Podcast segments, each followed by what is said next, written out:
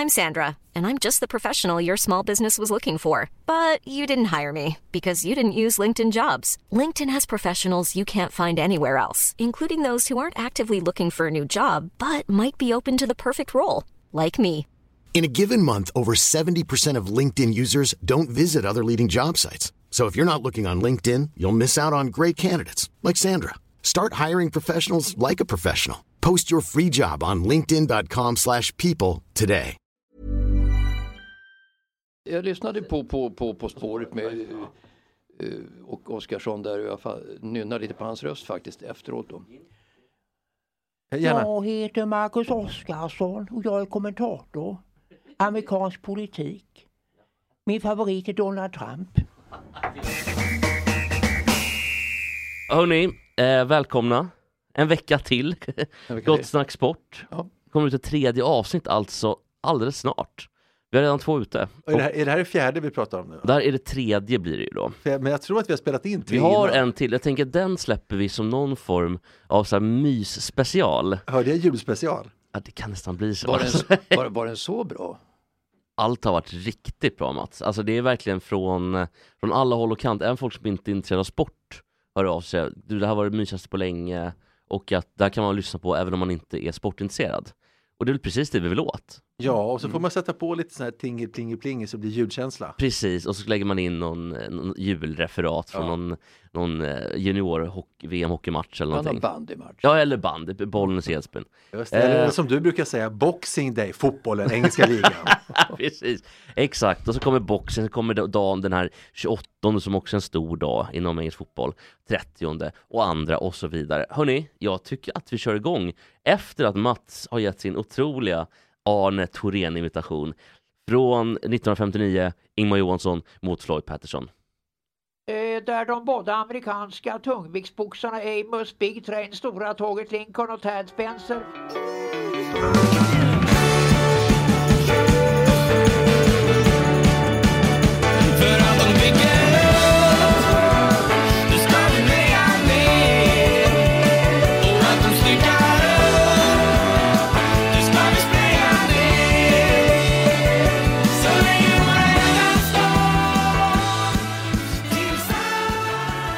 Allt de bygger upp ska vi meja ner med och av Mats Strandberg. Nej, jag Ja, skojar. just det. Så pass. Det hade varit otroligt. Vad har du för relation till musik Mats?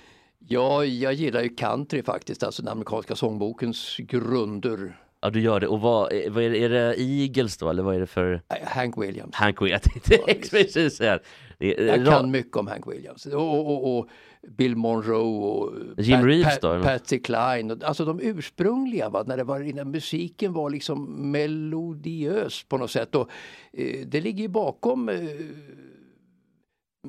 det, det, Amerikas eh, framväxt började där faktiskt. Mm, de från modernt USA, ja precis. Sen eh, ha- hade du fått eh, indiansfärg på det annars om du hade sagt att det var hela USAs framväxt och hon är skitförbannad. Nej, men- men banjo- så vi aktar oss för det. Banjon eh, kom ju från Afrika så att det, var, det, Ja. var, det, var en mix, det var en mix där i Nashville i, i ap, ap, ap, Appalacherna. Precis, det, det, det här Och började- kulturell appropriering, det är det som för samhällen framåt. Utan det så skulle det inte hända inget- någonting. nej, man söker inspiration av varandra, man tar hjälp av varandra, så kommer det nytt hela tiden. Så alltså, det är ju så inget där, det där är fult alls. bajs, det som Ja, håller ja, på att ja, tjafsa om ja, sånt. ja, ja, Rhythm and blues, ja, men det var både svart och vit musik som blandades upp. Det var ju bluesen då från Georgias bomullsfält och jämmern där och, och, och sen då den här vita musiken som genom countryn. Så att det var en mix. Ja, om vi Precis. hoppar lite där, det är Elvis, han tog ju inte bara de svartas musik, utan han la in egna eh, element Ja. också. Från till exempel countryn och det blev ju någonting nytt. det är Absolut. så man för Precis. sen- framåt ja, Jesper. så man kan ju härleda, ja, ja, det- härleda från Bill Monroe och framåt. Det Ja, men det det är preaching, preaching to the choir så att säga. Så den där, ja men precis, så den där jävla eh, Vad heter hon? Kanada Justin Trudeau som ber om ursäkt för att han har skojat och klätt ut sig till indian på en fest. Slappna av. Men vänta, var det inte att han hade ett blackface? Att han klädde jag säger slappna av. Oavsett.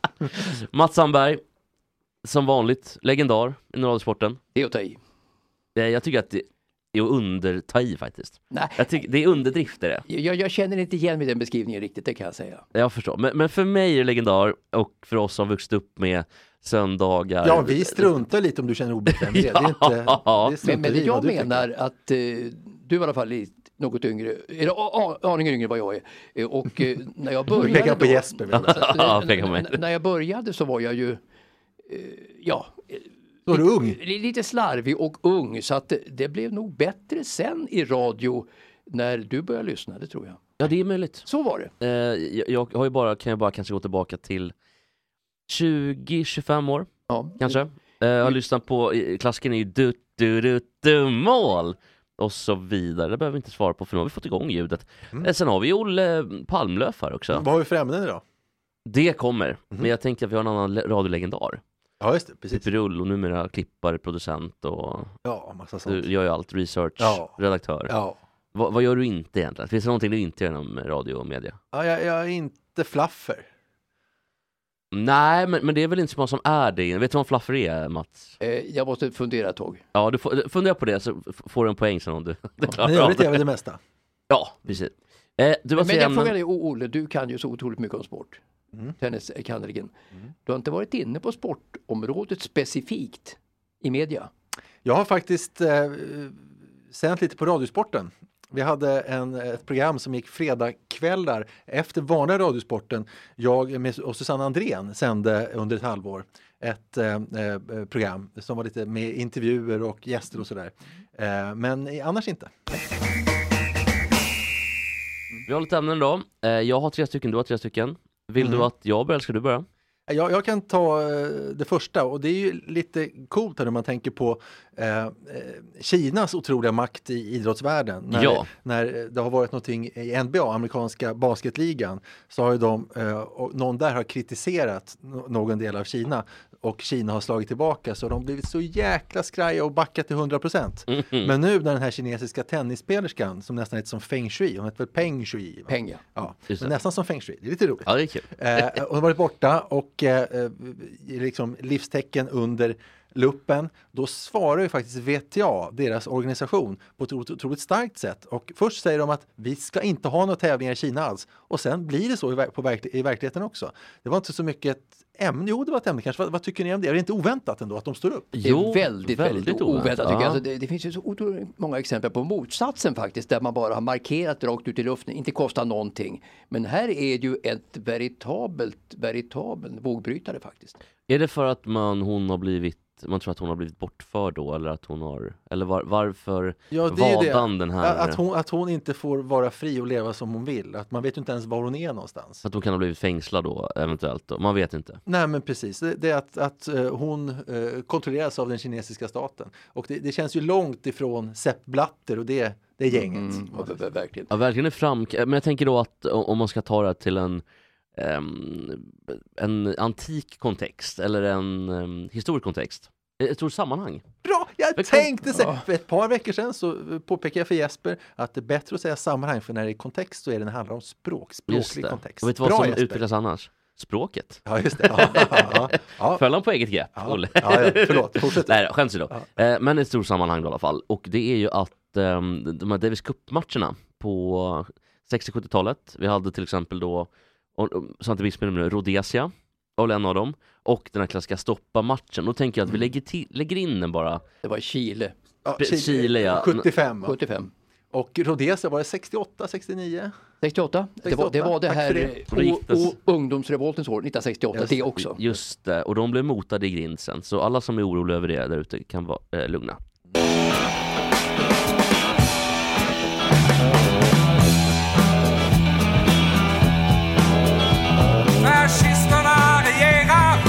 Terror och tortyr. Sen snackar de om lagen där det är nästan som man spyr. Medan bönderna och jobbarna hålls i schack med militär. Så kan de rika spela tennis, men de ska gärna inte spela här. Stoppa matchen. Hoola Bandoola Band, det är inte världens bästa låt. Eller? Vad- Vad säger Mats, är den bra? Eh, eh, Ja, bra tycker jag på något sätt. Jag, jag stod i Båstad faktiskt 1975, för jag var där då för radion för att referera.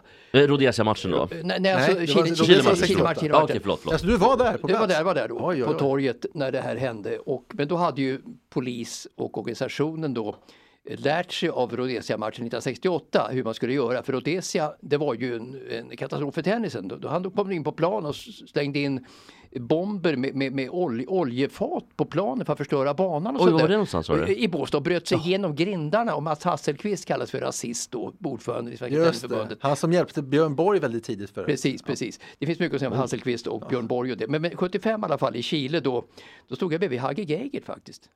Och Du, vem, du, vem men, du menar inte i Chile, du menar när de mötte Chile? I Chile, i Båstad. I, ja, i Båstad. I, i, på torget i Båstad. Och eh, Hagge Geigert, eh, han... och vem är Haje Gage? Bara så vi lite kontext. En, revy, revyikon i Sverige, i Göteborg. Haje Geijer. Hagge Geigert. Hagge Geigert. Samma som Geijer fast utan Ja, Ge- Alltså han, han hade det största intervjuprogrammet, mycket USA-inspirerat, där han var ganska rolig och hade gäster, satt en halvtimme. Okej, eh, och okej. han hade de största gästerna och eh, han spe, spelade också golf och han rökte. I Eh, sändningen också eller? Nej, inte i sändning, men, men det var väl hans grej att han, spe- att han spelade golf, var duktig på golf och rökte och hade keps. Han var, han var rätt Han slagfärdig. hade de två största i sitt tv-program då, nämligen eh, Palme och Gyllenhammar. Ja, visst. Han fick ju de största gästerna på den Ja, tiden. men, men, men så- han ja. stod bredvid mig då i alla fall och, och någon mer reaktionär kille än Hagge Geigert har jag aldrig Reaktion, och då menar du höger, eller hur? höger, Riktig Berätta. höger. kommenterat det här slöddret som kommer med busslaster från Stockholm och skulle invadera Båstad och sprida då Ja, det så kallat vänsterpacket då oreda och det. Vad sa Hagge då? Ja, det- var nog- han, han vrålade och skrek faktiskt. Eh, och eh, sen kastade också, vilket jag tyckte var lite otrevligt, alltså såna här, kastade sten på demonstranterna gjorde många utav de här högermänniskorna där också i Båstad. Och det tycker jag var hemskt förskräckligt att kasta Oj. sten på oskyldiga människor. Men Hagge applåderade det faktiskt och det skulle jag aldrig kunna göra. Kan berätta. Hagges son Joakim Geigert lanserades ju som programledare i slutet av 90-talet och hade det här programmet Glöm inte tandborsten på TV3. Och hur gick det då? Eh, Det gick åt helvete. Här, han, han hade som grej att han alltid la armen runt eh, ja. och värdinnorna och det kändes inte så, så bra. Och sen så, ja, Nej, alltså, jag med tandborsten, botten, bottennapp, ett bottennapp. botten Det var botten, botten-tv med, med Joakim Och Geijer. Rhodesia ska vi säga, då säga till dig Jesper som är lite yngre. Vet du vad Rhodesia Ja, det är var? väl gamla Zimbabwe? Ja, och varför det, hette det Rhodesia? var det Cecil Rhodes va, som var den... eh, Ja, det är bra. Så liten och så, och så var han till och allmänbildad. med överståthåll, överste, överståthållare va, i, eh, i Rhodesia då som var... Det var, men som, det var Cecil alltså? ja, jag tror att det Ja. var Cecil Jag hade Och, gissat på Ian, men du, det här verkar du så Ian säker på. Smith också? Va? Ja, det, det, det, det, ja men du, Han kom ju sen. ja, vad 17? Ja, ja, det, ja men du, jag tror på Cecil Brooks. jag tror att, jag tror att de, det var, eller Zimbabwe som det heter idag, eller Rhodesia då, var väl också ganska apartheid-styrt va, på samma sätt som Sydafrika. Inte riktigt lika illa, men Åt ändå det- något där. Åt det Åt- hållet, åt det ja. hållet. Men alltså åt, kort bara den här matchen i Rhodesia, eh, Rhodesia, Sverige, Rhodesia, Båstad och 68. Den stoppades ju helt och spelades i, i Bangol på franska rivieran sen med Wallenbergs försorg spelades matchen då utan publik. För att det skulle vara en, en, tävlingsmatch. Medan däremot matchen i, med Sverige-Chile spelades ju med ett enormt polispådrag och i stort sett utan publik. Ja. Och bara då för att återknyta till, till Zimbabwe, va? en snubbe på min squashklubb, Mm. Greg Brine, spelar väldigt vackert men lite, lite för tjock så han är inte så snabb. Uppvuxen i Zimbabwe. Eh, En vit Zimbabwe då Vit, eller? vit Zimbabwe och eh, de fick ju fly hals över huvud när de eh, svarta skulle ta deras farmer. Och sen dess har det gått lite sämre ekonomiskt kan man säga för, för Zimbabwe. Men, det intressanta är att, att han är uppvuxen med att när, när vi badar här i Sverige, då är det sjöar, vi kan ligga och plaska hur länge vi vill. Han är uppvuxen i eh, eh, eh, i vatten där de hade som kutym att de, de satt på båtar i vattnet badade när de var barn, alltså sju sekunder och sen upp, för då kan krokodilerna komma. I sju sekunder upp. I sju sekunder upp. Det, är lite, det var lite spännande att höra som svensk hur de hade när de växte upp i Men Zimbabwe. jag kan tänka mig när de här, de här kom till Australien då på början på 1800-talet, mitten på 1800-talet, alltså de, de vita människorna, de frisläppta slavarna, eh, fängelse, fängelse, Fängelsekunderna som kom till med båtar till Australien och koloniserade Australien. Att de då plötsligt hoppade bara i vattnet i de här floderna nära Melbourne till exempel och fick benen avklippta direkt av en, av en krokodil. Ja.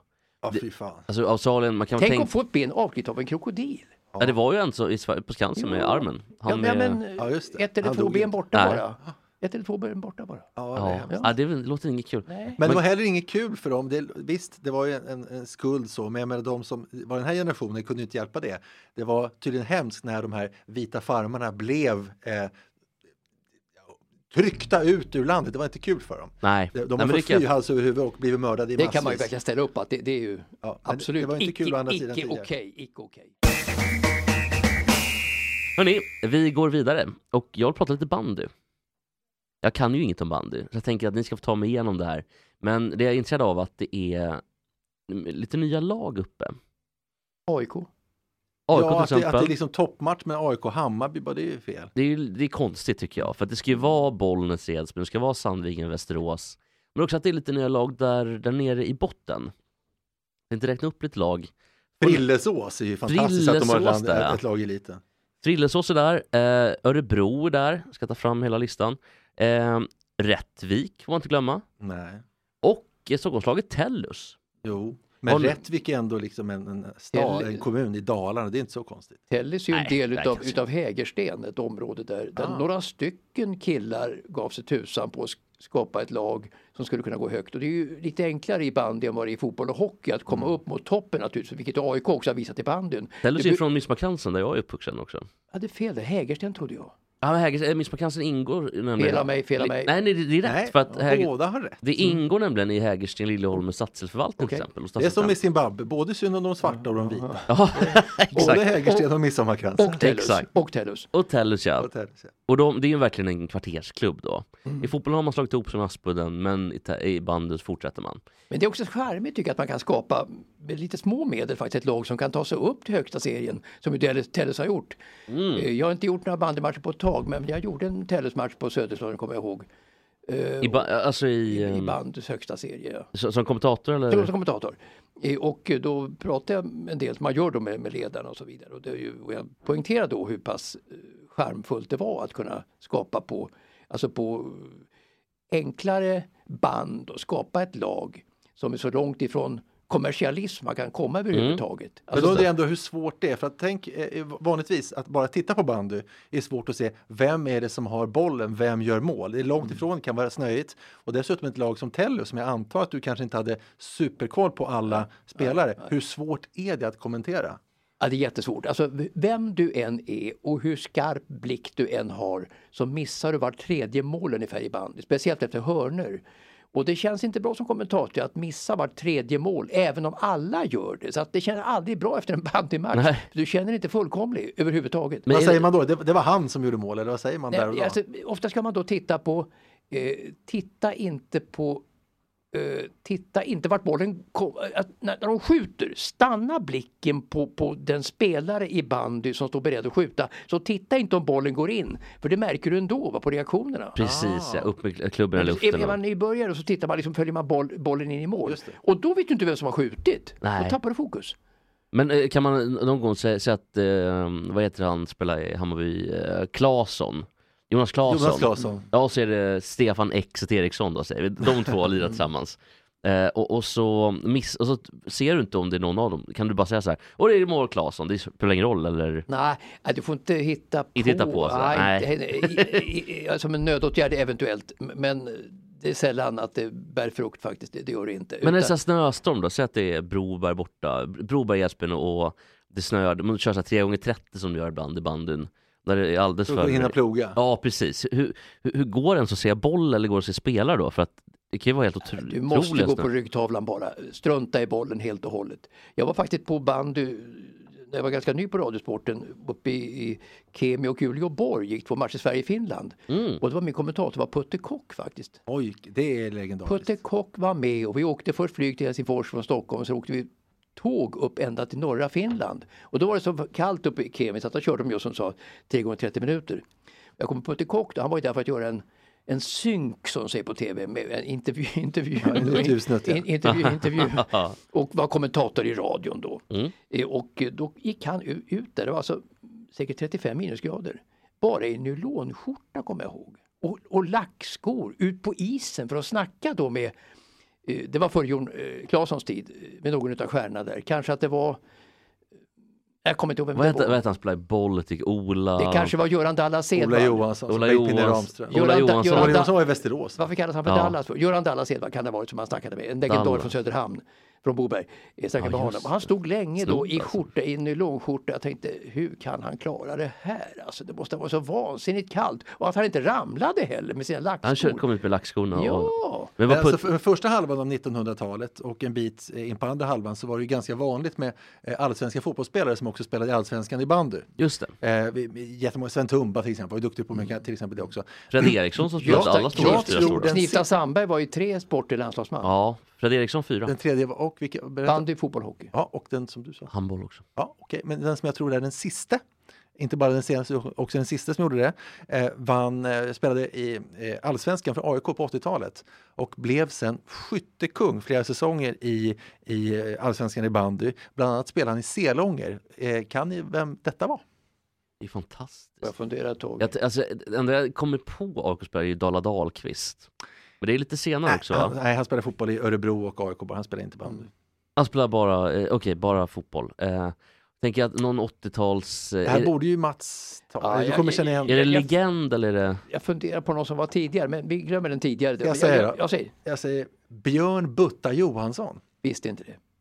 Björn Butt, han lirar Han alltså sån i... jäkla målskytt i bandy. Han skyttekung säsong efter säsong och Mm. var, spelade eh, allsvenskan för AIK innan han blev bandyspelare. Ett problem jag, jag band... tänkte på, på Putte Ramberg tänkte jag på faktiskt. Han var, ju, Putte Ramberg. han, han var ju stjärna, eh, alltså en kommande världsstjärna i, eller världsstjärna i, i, i fotboll och så var han jätteduktig i bandy också. Det var två sporter.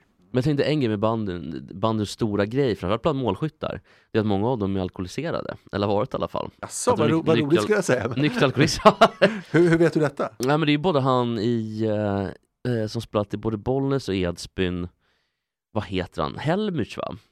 Per Helmich. Per Helmich. Ja, han Mm. har ju haft problem med spriten. Och eh, sen så är det, om jag inte missminner mig, du måste nästan kolla upp det här, men sen är det framförallt då Patrik Nilsson. Som Just spelat i det. Sandviken och Bollnäs, Hammarby. Eh, eh, riktig målskytt. Och, Jo, var och, typ i- och ganska illa omtyckt av motståndare och medspelarna. Ja, han är väldigt tjuvnyp och Ja, man kan väl säga rent och så. allmänt ändå att de som har varit, eh, alltså inte landslagsspelare men kanske elitspelare i fotboll och hockey och även så i bandy då.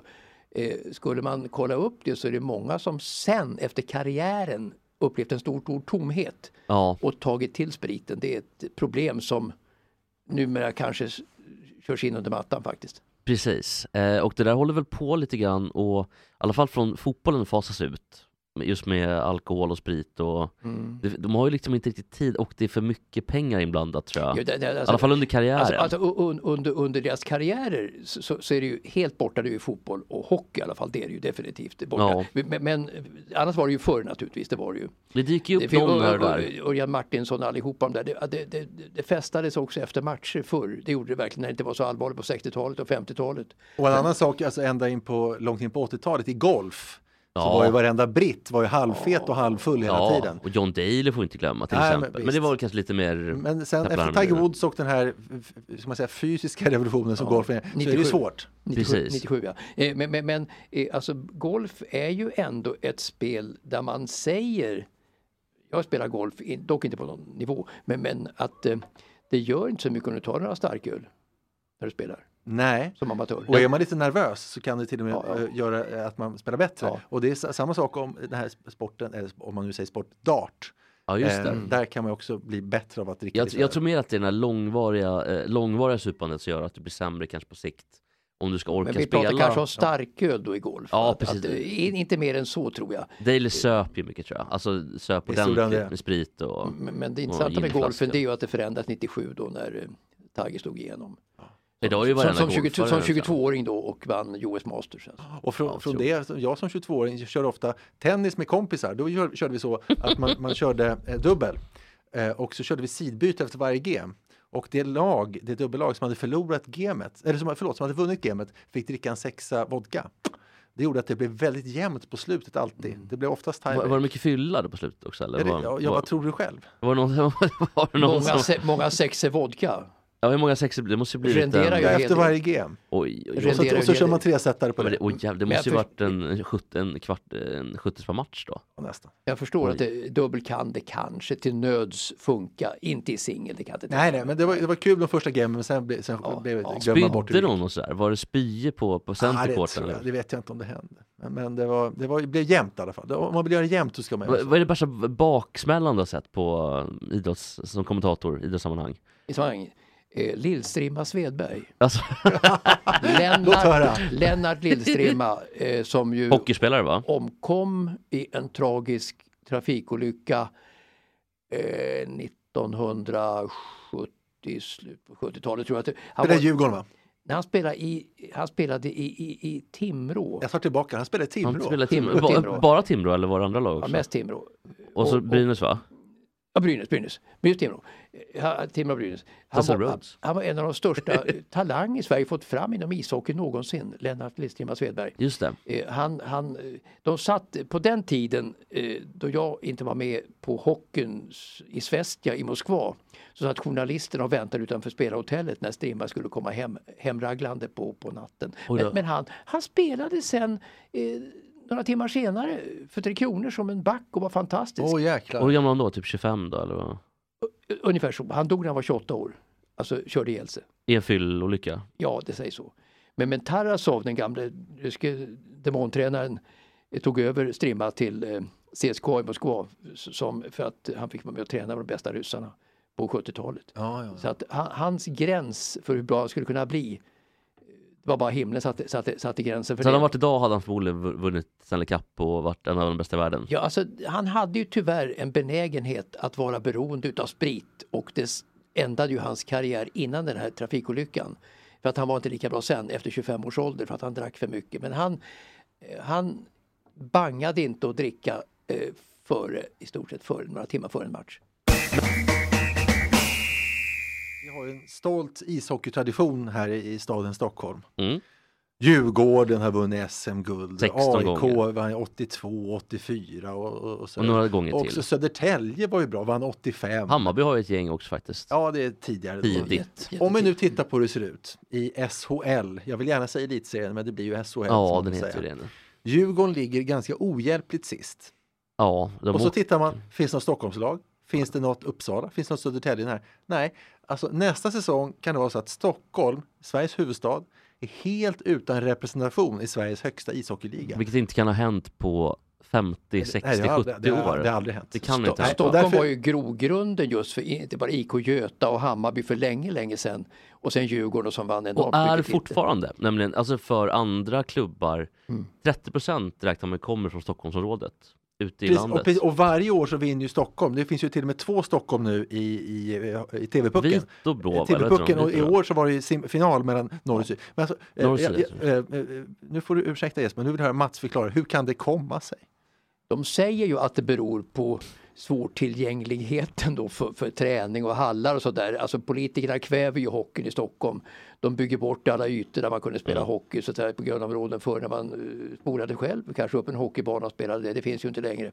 Och sen är hockey så organiserat att föräldrarna måste hjälpa till. Och det är svårt i Stockholmstrafiken tror jag att eh, som förälder eh, orka åka med sina barn till olika, vilket ju är enormt lätt ute i landet. Eh, alltså i Norrland till exempel. Där, ja, så, där. så jag tror att det är en stor del av Jo, förklaringen. men det finns ju många stockholmare som spelar i, inte bara i NHL och i, eh, utan också i SHL.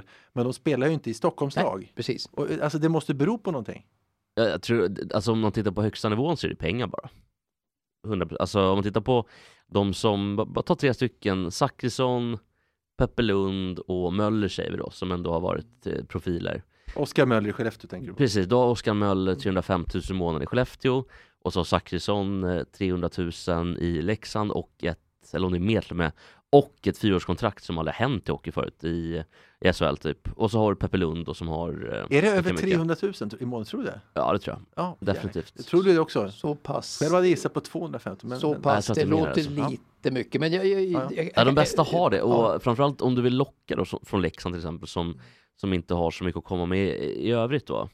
Måste upp på de det summorna. ligger nära Rättvik. Om vi, och Ja, och det kan man kolla på. Ja, just det. Nej, det är svårt, svårt att förklara det där att, att de är uppväxta i, i Stockholm och sen spelar ut i landet. Det är svårt att ge Men Djurgården har ju inga svår- pengar. Svårt att förklara det, mer, Nej. än, mer än då pengar kanske. Ja. Det är möjligt. Men är det, för om man jämför då med Stockholm på 80 och 90-talen, Mm. då var ju alltså hockey större än fotboll. Fot, Mm. En fotbollsmatch, om jag gick på AIK, en allsvensk match, det kunde ju vara 3000 pers. Mm. Eh, och nu har det svängt och är tio gånger fler. Eh, medan hockeyn, alltså kommer det vända tillbaka tror ni eller kommer hockeyn dö i Det Stockholm? kommer inte att vända tillbaka tror jag. Kommer på en tv-debatt kommer jag ihåg eh, som Ulf Båge ledde på tv efter Sveriges guld 1991 i Finland då, det legendariska guldet, se- seger mot Sovjet då i finalen. När eh, Mats, Mats Sundin Mats gjorde mål Sundin på slutet. nitade in två mot ett. Då. Eh, efter det var en debatt då i tv och då var Lagrell med också från fotbollförbundet och då, då, då, då sa de det, ska fotbollen kunna komma tillbaka, vilket han trodde då. Alltså, och, och vändpunkten var ju EM 92 då i Sverige till lite grann och sen kom 94 års VM i USA. Sen vände det ordentligt. Sen har ju många förstått också att Fotbollen är ju världens största idrott. Den är ju så global medan hockeyn då trots NHL är ju en barrskogs eller gran, gran, Ja, gran, taigasport, liksom. granbarrskogsbältessport på något Ja. sätt. Där det finns granar i världen, där spelas det ishockey. Eller som de säger i Here's a cool fact a crocodile can't stick out its tongue. Another cool fact you can get short term health insurance for a month or just under a year in some states. United Healthcare short term insurance plans are designed for people who are between jobs, coming off their parents' plan, or turning a side hustle into a full time gig. Underwritten by Golden Rule Insurance Company, they offer flexible, budget friendly coverage with access to a nationwide network of doctors and hospitals. Get more cool facts about United Healthcare short term plans at uh1.com. Millions of people have lost weight with personalized plans from Noom, like Evan, who can't stand salads and still lost 50 pounds. Salads, generally, for most people, are the easy button, right? For me, that wasn't an option. I never really was a salad guy. That's just not who I am. But Noom worked for me. Get your personalized plan today at Noom.com. Real Noom user compensated to provide their story. In four weeks, the typical Noom user can expect to lose one to two pounds per week. Individual results may vary. Skåne, eh, Rögle och Malmö, där finns det bokskogar. Där spelar vi hockey. Eh, visst, ja, du har rätt. De, Men det var ju det han, eh, det har jag också hört. den där Karlsson, Pollenkungen som grundade Rögle. Men det är en lång historia. Men jag kan väl säga det bara med något som hockey har misslyckats med, som fotboll lyckas med, av naturliga skäl kanske, det är ju att plocka upp de som inte har så mycket pengar, det vill säga kanske mm, folk som med mm, fattiga föräldrar eller ny, nyanlända, det finns ju massa sådana, det är så lätt, det är bara ett par fotbollsskor, vilket du kanske kan skrapa ihop till. Men en, alltså ett par fotbollsskor är ju typ en halv månads kostnad i hockey. Och då det, räcker det det, är på en ett år. överklassport kan man väl säga. Ja, det, så, Det är det, och det, så är det ju. Det är därför kommer den dö, tror jag. vi- Och det Villa, var det inte riktigt förut. Villaområdessport är det Ja, verkligen. jag tar tillbaka överklass heter det är väl snarare en hantverkarklass där farsorna inte betalar skatt. Ja, eh, mycket så också. Ja, visst är det så. Mycket, många svartfakturer. Mycket svartarbete. Ja, eh, Men sen är det ju så också att alltså villa, villaområdessvenskar då, alltså typ Mats Sundin och det, kanske kommer från Vallentuna eller om- området där omkring. Ja, till Sollentuna. Sollentuna eller Vallentuna. Sollentuna kanske. Eh, Och de killarna har ju ofta kanske mera valmöjligheter genom skolan då att kanske konkurrera bort ishockeyn och fotbollen från sina liv längre fram för att de har så mycket annat att välja på yrkesmässigt och det. Medan fotboll då om vi pratar om eh, utsatta områden och det är kanske inte så mycket att, att välja på. Så är det nog. Men också tror jag att om man är från, för, för hockey är ju verkligen en kranskommunsport. Med, med eh, Du utvecklar kranskommun kanske? kranskommun är ju kommuner då som kanske ligger runt I midsommarkransen? Nej, inte riktigt faktiskt, utan det är i Stockholms stad. Då. Men, men ett, eh, om du har ett storstadsområde, du har då till exempel Stockholms kommun där, där vi alla bor. Förutom Mats då, som bor i Solna kommun. Så är det. Jag tror faktiskt att Solna är en kommun, men jag tror Stockholm är en stad. Jag tror att Lidingö och Stockholm är städer, så tror jag resten är kommuner. Ja, det, stämmer. Det stämmer. Men, men, ett sidospår. eh, verkligen. Så, men Stockholms Gud vad är- hemsk jag är när jag håller Nej men på det är okej, för Stockholms stad, vi kan ta den också. Stockholms stad, Kranskommuner, det, det är väl Täby du? Täby kranskommun Mm. och du har kanske Järfälla och du har Vallentuna och Sollentuna. Sen skulle jag säga typ Nynäshamn, nej, inte riktigt kranskommun. Det är för långt. Det är för långt bort. Men däremot eh, Haninge är en kommun och så vidare. Mm. Och i, i, de eh, orterna, du, du har ju såklart ett, eh, ett större, förmodligen lika mycket pengar, i alla fall typ i Huddinge, som är Sveriges kanske tionde största kommun eller liknande. Det finns stålar att dela med dig av. men eh, vilket svårare i Stockholms stad eftersom det är um, betydligt mer um, utgifter och uh, större um, Så är det. Sen ska jag säga att kanske. Söder, Södertälje kanske är 10. Jag skulle säga Huddinge ligger kanske 5. Ja, det kanske är så ja. Eller vad kan det vara 20 till och med? Ja, kanske något sånt. Södertörn är ju Sveriges... Södertälje är min gamla klubb sen jag var grabb och som jag alltid har hållit på. Och jag Jaha. lider med dem nu i, all, i Allsvenskan i hockey. De kommer ju inte upp. Alltså de ligger lite under mitten jämt. De, Vad beror det på? För det är någon stor Ja, stad. Det, det är ju ingen hockeystad längre, Södertälje, som det var förr i världen. Det Men var ingen fotbollsstad heller riktigt. absolut ingen fotbollsstad. Utan det är ju en, Vad är man eh, egentligen? Det är ju en mångfaldsstad. Ja, ja, men det är, ju- de har ju basketen, sen har de inget mer. Nej. Så, så att jag lider lite Nej. med Södertälje för att uh, gamla Scaniarinken och det, det var ju en bostad för mig under många, många år. Jag såg så otroligt mycket matcher i Södertälje och de hade ju ett jättebra, så var 85 till exempel och så tidigare eh, guld i ishockey och kamperna med Djurgården var fantastiska och det. Så att, eh, men Södertälje är inte Södertälje längre. Apropå det som du sa nu Mats, så kommer, här är ytterligare en quizfråga. Mm. I många år så köpte jag hembränt eh, av en man eh, som bodde i Strängnäs. Mm. Och vi möttes på halva vägen, jag bodde i Stockholm. Var tror du att vi möttes för att sköta själva eh, överföringen så att säga Alltså, av, av pengar och, och vara? St- Strängnäs är 85 kilometer dit ja. Södertälje är ju troligt, men jag tror att det är... Ja men lite- mer specifikt än så. Ja, alltså Ah. halva sträckan Stockholm, eh, eh, kan det vara Mariefred? Scaniarinken! Scaniarinken, okej. Scaniarinken! Okej, Har ni utanför Skandinavien? Utanför Scaniarinken. Säkert 15 gånger under många år. Är det precis 4,2 dit? Ja, han sa, det- jag, jag kollade aldrig upp det, han sa vi, vi möts halvvägs, Scaniarinken. Jag tror att det är typ 3,7 till Skandinavien. Oj då. Och... eh, Nej, Jag, gick- jag gick ju som barn i huset i Scaniarinken under många, många, många år. Är du född i Södertälje Mats? Uppvuxen? Icke sa Nicke, men av någon anledning så fastnade jag på Södertälje för länge, länge sedan när de var jättebra. Minns ni Mats Hallin? Ja då. Han spelade i Södertälje eh, många år och när, eh, när Malmö vann SM-guld 94 mot Modo i finalen, vann med 3-2. Då var jag där och gjorde, gjorde reportage. Eh, och eh, jag kom ihop mig lite med, med Mats Hallin för han var hjälptränare. Eh, och jag sa att eh, jag, jag, jag trängde mig förbi och gjorde intervjuer mellan periodpauserna. Då sa Mats Hallin till mellan den andra och den tredje perioden. Då sa han Kommer du hit en gång till din jävel, då sänker jag dig. Sa det till dig? Och Mats Hallin hade ju spelat i NHL, han var känd som galning. Jag var livrädd. Och så vann ju, eh, då, när, när Foppa blev så arg på domaren, precis. började med, och så vann matchen. Avgör bara matchen är ju... De gör ju sina två första i powerplay och det är inte underligt. De har ju ungefär en 15 chanser. Jag måste säga så grymt besviken på Börje. Han, han är så jävla dålig. Du är bitter på domaren? Ja, han är så jävla kass jag ska dra på honom en smäll. Det är sant det. Så att jag var lite sen in i omklädningsrummet, för jag var ju rädd för att titta efter Mats Hallin om han skulle sänka mig. Men då, då, då var han inte där, för att för de, de hade ju förlorat. Det var, det var enormt enkelt att bli rädd för Mats Hallin. Det gäller att ta honom väldigt försiktigt, alltså inte provocera Mats Hallin för att han hade ju eh, en inneboende aggressivitet på något sätt. Ja. Släpp inte ut den aggressiviteten i onödan genom att säga någonting. Och det, man måste liksom li- lirka honom medhårs. Det var så? Så. Ja, för han var, jag kände att han var farlig. Kan du gissa hur, eh, Jesper, eftersom det här var före din tid, hur Mm. ramsan gick på läktaren om Mats Hallin? Om man höll på AIK till exempel, AIK möter Södertälje. Mats Hallin tjock som ett svin till exempel? då, Nej, eller? Mats Hallin jävla svin. Jaha. ja. Jag tänker vi ska gå vidare. Eh, Sista ämnet då kanske. Vi har ju... Kanske näst sista. Ja, du har ett till. Ja, ett kort. Gud vad trevligt. Jag har också ett kort, så det är perfekt. Eh, det har hänt grejer i Liverpool, alltså inte laget Liverpool FC, utan i eh, konkurrenten Everton FC.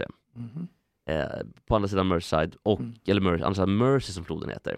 Problemet är, och då tänkte jag, då kan man lägga in den här, eh, då lägger man in en låt här bara för att det ska vara lite, lite mysigt. Eh, den heter så här va? Den här, den här borde du, kan du eh, Mats tror jag.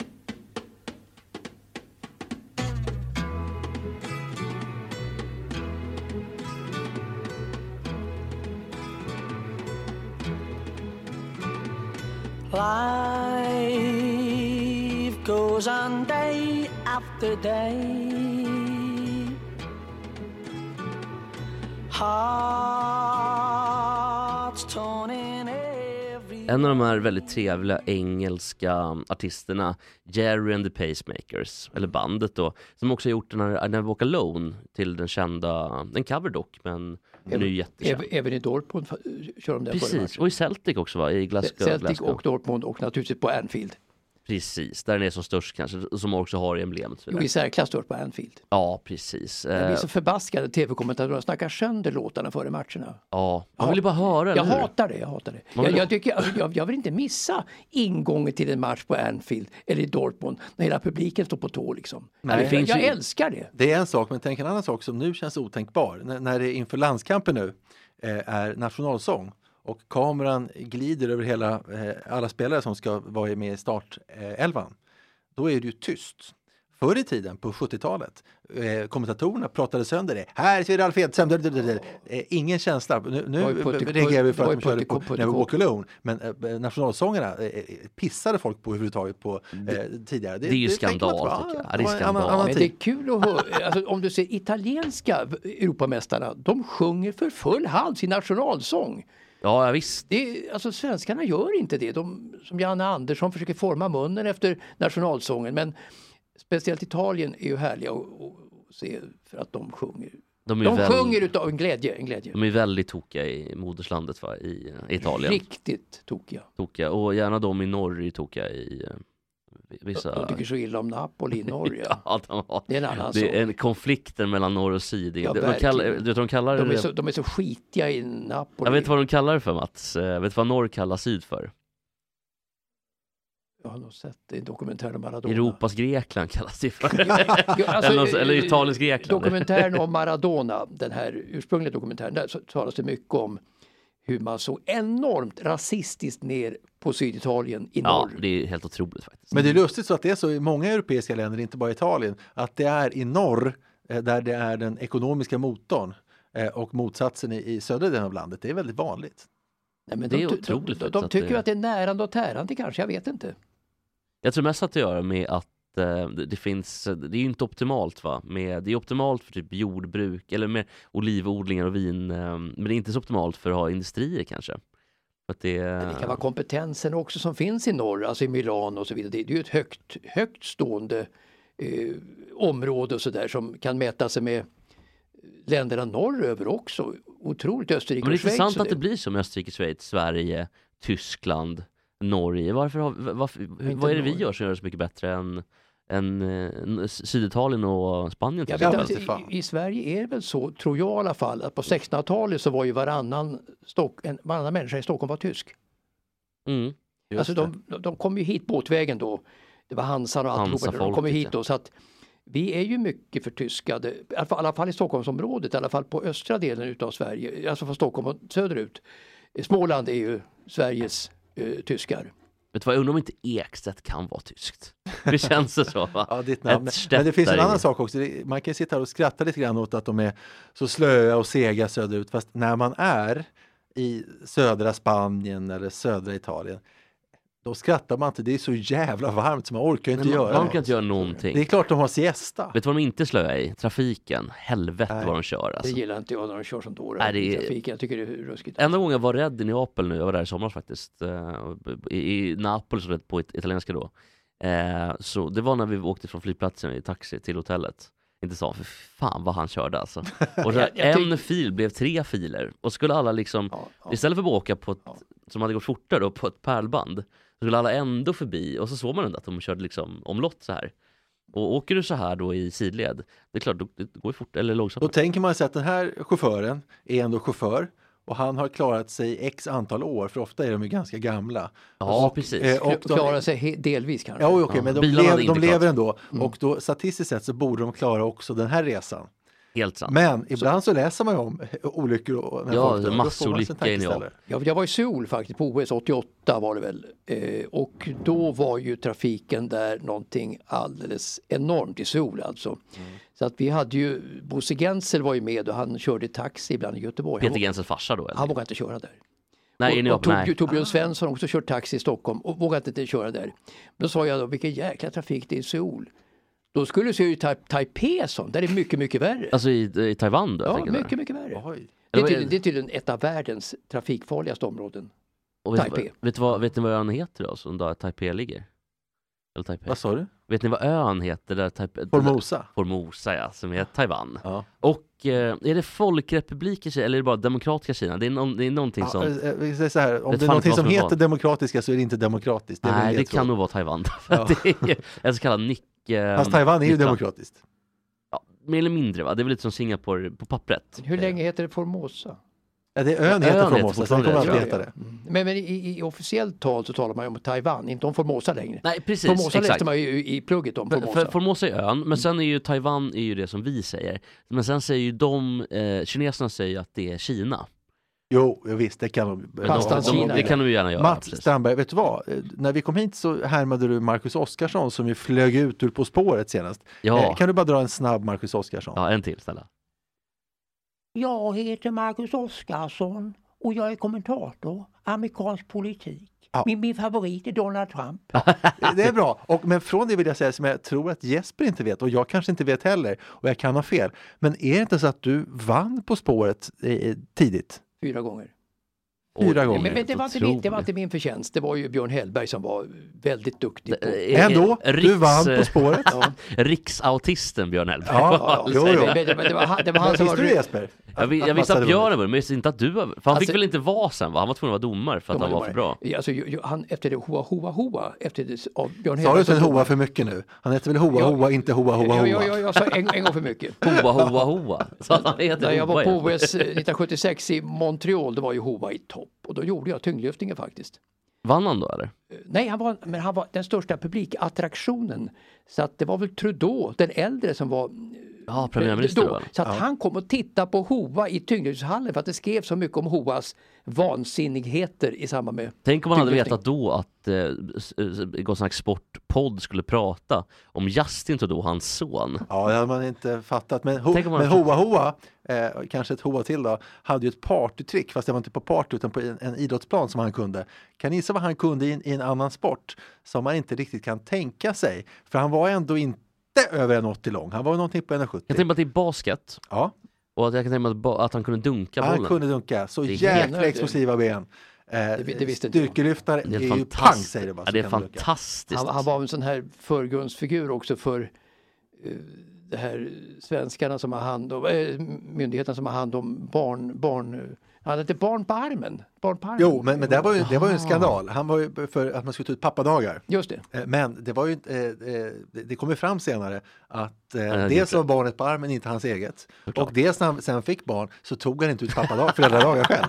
Så det, men det visste man ju inte då. Det var ju klassiker på 70-talet, med- med farsorna, två äckliga unga bredvid alltid, så här, blonda då och så kräm över ansiktet och så var det en pappa i mitten med väldigt mycket, lite tjock och väldigt mycket skägg, rött skägg. Det var det stora på 70-talet, Mm. Jo, jo. man skulle vara väldigt Och han hade ju på bilden så hade han ju också en sån här eh, Tre Kronor-tröja. Jag vet inte om den var gul med blåa kronor eller om den var blå med gula kronor, men någonting av Den det. snygga är väl den blå egentligen va? Ja, det var nog blå, klassiska det var nog blå. blå, blå För jag. det tycker jag är den snygga, Men, blåa men han, han hade en krog då min, i stan då, Hova, under den här perioden då. Så att nu är han lite till åren tror jag, Hova. Inte så pigg längre, men han var i På spåret var han en, i mina ögon en glädjespridare och ett, en kille som gick hem till 110 procent hos tittarna, Hova, för att han gjorde så otroligt knepiga och roliga och luriga kommentarer runt frågorna faktiskt, som ingen annan har gjort förr eller senare. Och oväntat allmänbildad och han har ju då eh, en, i våra dagar så har ju han en, en, en egenhet, en pryl som man har gemensam med till exempel Lasse Åberg. Vad tror ni att Hoa Hoa och Lasse Åberg har gemensamt? Jag vet att Lasse Åberg är um, konstnär och att han är väldigt förtjust i Musse Pigg. Mm, men det är något annat. Det är något annat. Ja, Mussemuseet där vi väg till Enköping, det, det, är en annan sak. Det, det, det, det, det, det är ju inte, det är inte Hovas Ni är på väg åt fel håll här. Mm. Eh, Okej, kan det vara att de har landställe lite på samma Nej, ställe? de vägrar mobiltelefoner. Jaha, men det är väldigt tydligt eh, vägra mobiltelefon-aura på, på Lasse Åberg. Ja. jag säga. Och Hoa Hoa. och Hoa. Något mindre aura kanske angående det, men Lasse Åberg 100 procent. Pre- Men grejen var väl att, ja, för, precis, HH skulle också kunna vara tvärtom. Att han är ju ett helt med iPads, alltså att, sådär liksom. Mm, Man man en padda på. Men ett, eh, HHs grej var väl att han lät som en gammal alkis. En tjacka stockholmare, men att han inte var det, utan att han är, eller kanske han visst var, jag vet inte. Ja men Hoa Hoas grej är Lätt också, alkad, ja, det var väl att han var också så bra kompis med Frank Andersson. Mm. Och det väl också den här eh, legendariska anekdoten med Frank Ja. Andersson när han bodde hos Hoa Hoa. För han flyttade ju runt så mycket och var ju så strulig. Och han sa att han ska ut och köpa mjölk. Mm. Och sen så, tre och ett halvt år senare kom han tillbaka. Utan mjölk. Ja, Utan mjölk och höll min och sa jag glömde mjölken. Ändå kul. Var det inte Hoa som sa, vad har du mjölken då? Ja så kanske det För var. Frank så var inte så smart. Nej, så kanske var. Men, men vi Jag var ju med På spåret då, alltså det andra året då, nämligen eh, det började ju 87, 88 var vi Men ni var tre då va? Tre stycken, Bengt Grive, Strandberg och Hellberg. Och då bodde vi på, i, på hotell i Göteborg då kommer jag ihåg under den veckan det spelades in. Och eh, då var ju Oldsberg och eh, Hova var ju eh, programledare för programmet då. Och det snackades väldigt mycket om deras förehavanden. De, de somnade ju aldrig på nätterna och ofta var det slagsmål mellan Ol- Oldsberg och Hova. Då, Slagsmål? Efter, efter att ha intagit för mycket sprit. Men Hoa Hoa måste ju ha De sopat hade- banan med Oldsberg. De, de, de hade liksom då en svit på hotellet och eh, de somnade aldrig förrän på morgonsidan. Så att när programmet skulle spelas in halv fem då fick de ringa och väcka dem, alltså kvart över fyra på hotellet. båda två. Men Vadå, hur, hur mycket söp Hoa egentligen? Var det en hel del eller? Söp en hel del. Så att han och Ingvar de triggade varandra i supandet då. Så att de, de hade Ja, att det var ju ett, två galningar totalt då som levde rövare på hotellet då under den vecka jag var där i alla fall. Hur, hur, på det hotellet Mats, om du ska uppskatta, hur mycket utomäktenskapliga förehavanden var det egentligen? Om, om man får liksom, eh, vad heter det, kumulera ihop det här så att säga. I, Alltså, det var inga förehavanden med, med, med Ingvar och Hova, det var inga sådana saker alls. Därför de var så fulla att det gick- gick det, det gick, inte, det gick nej, inte. Men, men, men de var också ute på stan och härjade på nätterna så att polisen tog Hova en natt kommer jag ihåg. Alltså de satte handfängsel på och ledde tillbaka till hotellet innan de visste att han var liksom officiell. Att han var. Hova liksom. Att han var Hova. Ja, ja, så, så att det, det snackas om att polisingripande i polisbil in till hotellet Hova och hur han och Ingvar betedde sig på nätterna där och att de sov hela dagarna. Jaha. Och apropå turnéer så alltså på 70-talet, på slutet på 70-talet när Frank var som bäst, då åkte ju han, när de hade ont om pengar, så åkte ju han Hoa Hoa och bodybuildaren Ove Rytter runt och körde lite så här fri, fribrottning alla USA i olika delar av Sverige. Fick vann då? pengar. Frank måste ju vunnit där. Eller Ja, var det gjorde han säkert, wrestling? det, det gjorde han säkert, men ändå ett, ett men skönt att- trippelgäng. Men att Frank kunde överleva så länge på att göra så att säga, helt felaktiga saker under hela sitt liv och det, han var ju så organi- organiserad så att det, det fanns ju inte. Ja, Vila Fri vill jag bara säga. Jag kommer ihåg en gång uppe, i- uppe på Sollerön då på, i, i Dalarna eh, sommaren 1980, alltså då så hade jag ordnat upp en sån här eh, uppvisningsmatch mellan Lillen och Roger Andersson då, som hade Ah. fightats tidigare. Då. Tänkte jag, det kan fixa en uppvisningsmatch på Sollerön då, till midsommartid då, mellan de två. Då, då byggde de ut det lite så att Christer Ulfbåge han var sån här ledare, ledare en sorts eh, tiokamp i, i kunskap och så vidare. Och, ja, eh, så att, eh, och då väntade man på när Gärdebylåten, vem var det som gjorde den? Gärdebylåten som spelade den? Ja, där uppe. Till. Hemma hos honom i hans villa skulle man ha lite fest efteråt. Hemma hos... ehm, Gärdebylåten Ja. skapare, Gärdebylåten skapare upp, uppe, i, uppe i Dalarna. Kan det vara Tore Skogman? Nej, inte Skogman. Han är ju värm- Jan Johansson, han är inte Nej, tidigt. värmlänning. Men det, det kommer, det kommer. Men, men, men då i alla fall så, så, så, så skulle Frank komma då och Frank skulle vara på väg hela dagen upp dit på något sätt för att förgylla kvällen då i alla fall för, för de som skulle festa om på kvällen då. Efter den här tävlingen då med Lillen Roger och femkamper och alltihopa. Men han dök upp. Han var, han var på resa tror jag i två dagar upp till Sollerön. Att bilen gick sönder, han skulle lifta med någon, kom fel, skulle åka tåg eh, och var för full då. De tog inte in honom på tåget. Ja, det var så mycket saker. Men han dök upp ändå på kvällen märkligt nog. Alltså 22-tiden kommer jag ihåg så kom ju Frank Andersson. Låter som min resa, han till Hofors en gång. Det var jättestor, 1980 var jättestor. Ja, det måste han vara. För, eh, På en annan sån resa med, um, om det var, eh, vad hette, vad, vad hette Hylandsfrun igen? Tuss. Tuss, ja precis. För de var ju på väg upp till, um, skulle åka till Norge på någon sån här Lofotenresa typ. Med barnen och allting. Men Tuss var så jävla jobbig för hon var ju bipolär eller något liknande. Mm. Och Hyland ville ju bara supa liksom, så, så, i vanlig ordning. Så att eh, det som hände var att när de hade kommit typ halvvägs kanske till eh, Lofoten. Ja, eller Trondheim kanske, de hade Mm. hunnit till eller något Mm. sånt där. Mm. Skulle Tuss bara, jag, jag ska börja ut och röka. Och så stack Tuss och var borta flera timmar liksom. Så när Och då sa Hyland, nej nu skiter det här, sa. De är ungarna. Och drog från Tuss. Så hon, fick vara, hon fick vara kvar i Trondheim när han drog upp till Lofoten. Menar du det? För han var så trött på, men han var, var väl också alkfull. Och, Men när, när, hon blev, när, när hon blev sen frisk från sin bipolära som man säger. de fick litio kanske, eller något Ja, eh, medicin. När hon blev frisk då så småningom ifrån denna sjukdom. Då blev Hyland alkoholiserad. Jaha, Deras de, banor kross, korsade varandra då så att de fick aldrig vara med varandra i 100% form, tyvärr. Vad deppigt. Och en annan En- sak, en när, tragedi, när tragedi. Filip Hammar hade sitt första bröllop så var Ingvar Oldsberg bjuden för de hade tv-program tillsammans då. Och eh, eh, Ingvar kom och hade med sig som, istället för att ha med sig en present så hade han med sig Fredrik Belfrage. Men de, de, skulle, de skulle värma hemma hos Tuss Hyland, passa på att träffa Tuss som inte träffat på länge. Men givetvis så söp de ju för hårt så att de fastnade hos Tuss, hos Tuss och kom aldrig till Filips eh, bröllop. Jag blev tillfrågad att vara producent, tv-producent för eh, Här i ditt liv som Ingvar Oldsberg hade i sista delen som var alltså på 2000-talet någon gång. Efter Lasse kanske Holmqvist, 15 va? år sedan nu. Och det lustiga med det är att det skulle vara öppen sluttid under Lasse Holmqvists tid. Och det är lite slött. Ja, Man det bara kör så länge man vill. Men det blev i alla fall inte att det var så. Och då var det någon som sa till mig att det skulle du vara jävligt glad för för att han stred för att Fredrik Belfrage skulle vara med i redaktionen.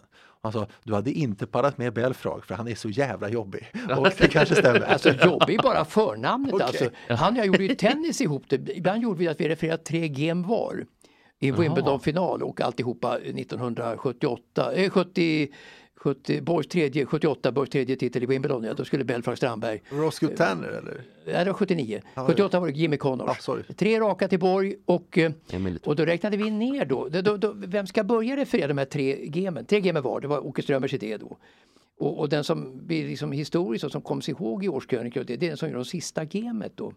Vi gjorde tre gem var. Vem skulle komma fram till de tre sista gemen? Och det gjorde jag. Det var inte min förtjänst att det blev 3-0 till Borg. Men, men han blev så sur förstås, han kom aldrig över det överhuvudtaget.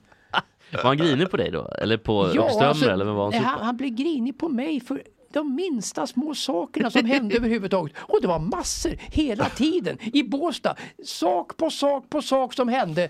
Och det gick inte att snacka med honom på två dygn om det förrän det kanske runnit av så småningom. Så att det var otroligt jobbigt. Gud vad jobbigt. Det låter som att han och Tuss kanske hade samma typ av något liknande kanske, någon diagnos. Som. Ja, jag såg också när jag kollade på SEO sent 80-tal och han var där och eh, kommenterade för SVT. Och han, Greg Turner, nya eh, råkade slå en boll på, på eh, Belfrage smalben. han blev så jävla arg. Oj, oj. Men, men det var mera sånt där som i re- relationen med, med andra, kanske inte en sån här olycka som att du får en boll på benet, det tror jag inte var så mycket, men just att i en redaktion och så vidare, att någon säger någonting om hans idé, att den inte är så bra, det räckte. Och då blev det grinigt. Räckte. Jag hade ju ett ämne till, men jag tycker att det här var en jättebra punkt. Att, alltså, du får rätta mig om jag har fel, men jag tycker det var bra att sluta med Fredrik Det var Belfrage. väldigt kul, jag måste bara, eh, bara en grej när vi, som liten kuriosa. Roger Andersson född 58 eller 59 va? 56. Ja, precis. Eh, eh, Alltså, eh, alltså polaren, Han är en av 56 som inte är 56 så att nej, alltså Lillens, Han, eh, låg, han låg, kom utanför 56 men var 56 och som var någon Som Lillövis Johansson också för övrigt, Ja. ja. Formel 1-föraren. Mm. Ja, också precis. 56 Ja. men räknas inte till Och 56 Gert Sundin, bowlaren som spelar ja. bowling också. Okej. De drog gränsen just före de här. Men, då- men i alla fall Roger Andersson då, 56 som um, bo, boxare, så född i Stockholm va? Är det Stockholm? Ja. I Gröndal till och med tror jag. Ja, om, du Gröndal. säger, om du säger det så ligger det säkert något i det. Faktiskt, eh, om jag inte helt utcyklar nu, eh, en av mina pappas bästa kompisar, eller var en av min pappas bästa kompisar, men eh, dog i en stroke. Eller om det var ett, med, någonting med hjärnan Jo, det var det. Var. Jag Bara såg- för jag såg 50 mass- år sedan. Massor med hans matcher. Alltså Roger, eh, Roger och Lillen boxades ju tre matcher, och kvalmatcher till, till OS i Moskva 1980 och den tredje matchen gick ju i Gävle då. I Gavlerinken, det var faktiskt Det var ju hemmaplan där. för eh, Ja, Lillen. visst. Ja visst. Arne Åkervall var för, för övrigt, eh, Lillens manager var, var headmaster för det evenemanget. Och det var då 8000 pers ungefär i Gavlerinken. Så att det var liksom, och då slog eh, ro, Lillen slog ut Roger genom repen. Oj för att han var, för att han var så, ut- ut i Berlin. oj, oj, oj. Men jag tror att en av de här grejerna, Mm. en av de här matcherna nämligen, den här, de matcherna i Gävle, för att vissa av dem var ju träningsmatcher, vilket har varit- uppe ända i Högsta domstolen. För att eh, eftersom det var olagligt senare då med proffsboxning. Man fick inte sparra en gång. Nej, fr- precis. Från, från 70 va? Ja, precis. Och då var, eh, Ja. även de här träningsmatcherna då räknades som proffsboxningsmatcher. Lillen ville ju få det till klart att det var träning då med sparring, Mm. men det var inte för det var publik och lite sådana saker. Så att, eh, okej, så att Men förståeligt. det var typiskt svensk attityd då också. Det var Det upp, uppblåsta svenska attityden kan man säga. Ja, mot proffsboxningen. Uppblåst attityd. Alltså undantagslandet Sverige då, redan på den tiden. Precis. Ja, det är 1970. väl bara i Sverige det är typ olagligt va?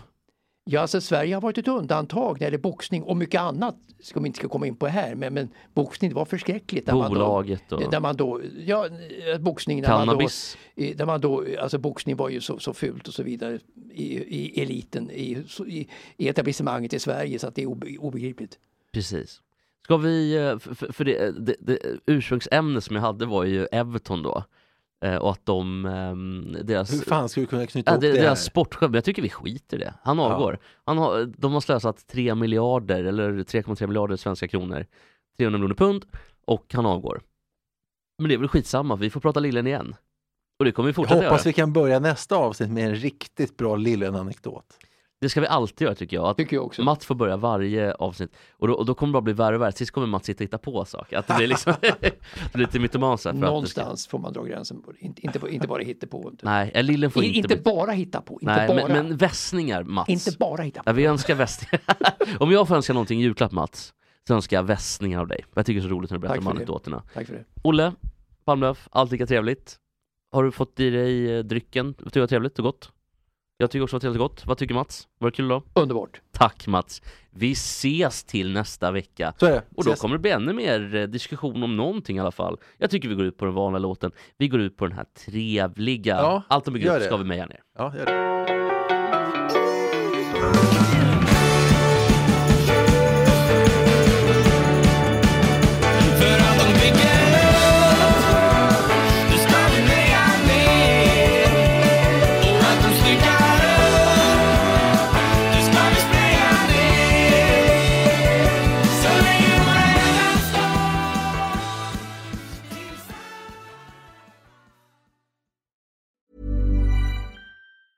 Even on a budget, quality is non-negotiable. That's why Quince is the place to score high-end essentials at 50 to 80% less than similar brands. Get your hands on buttery soft cashmere sweaters from just 60 bucks, Italian leather jackets, and so much more.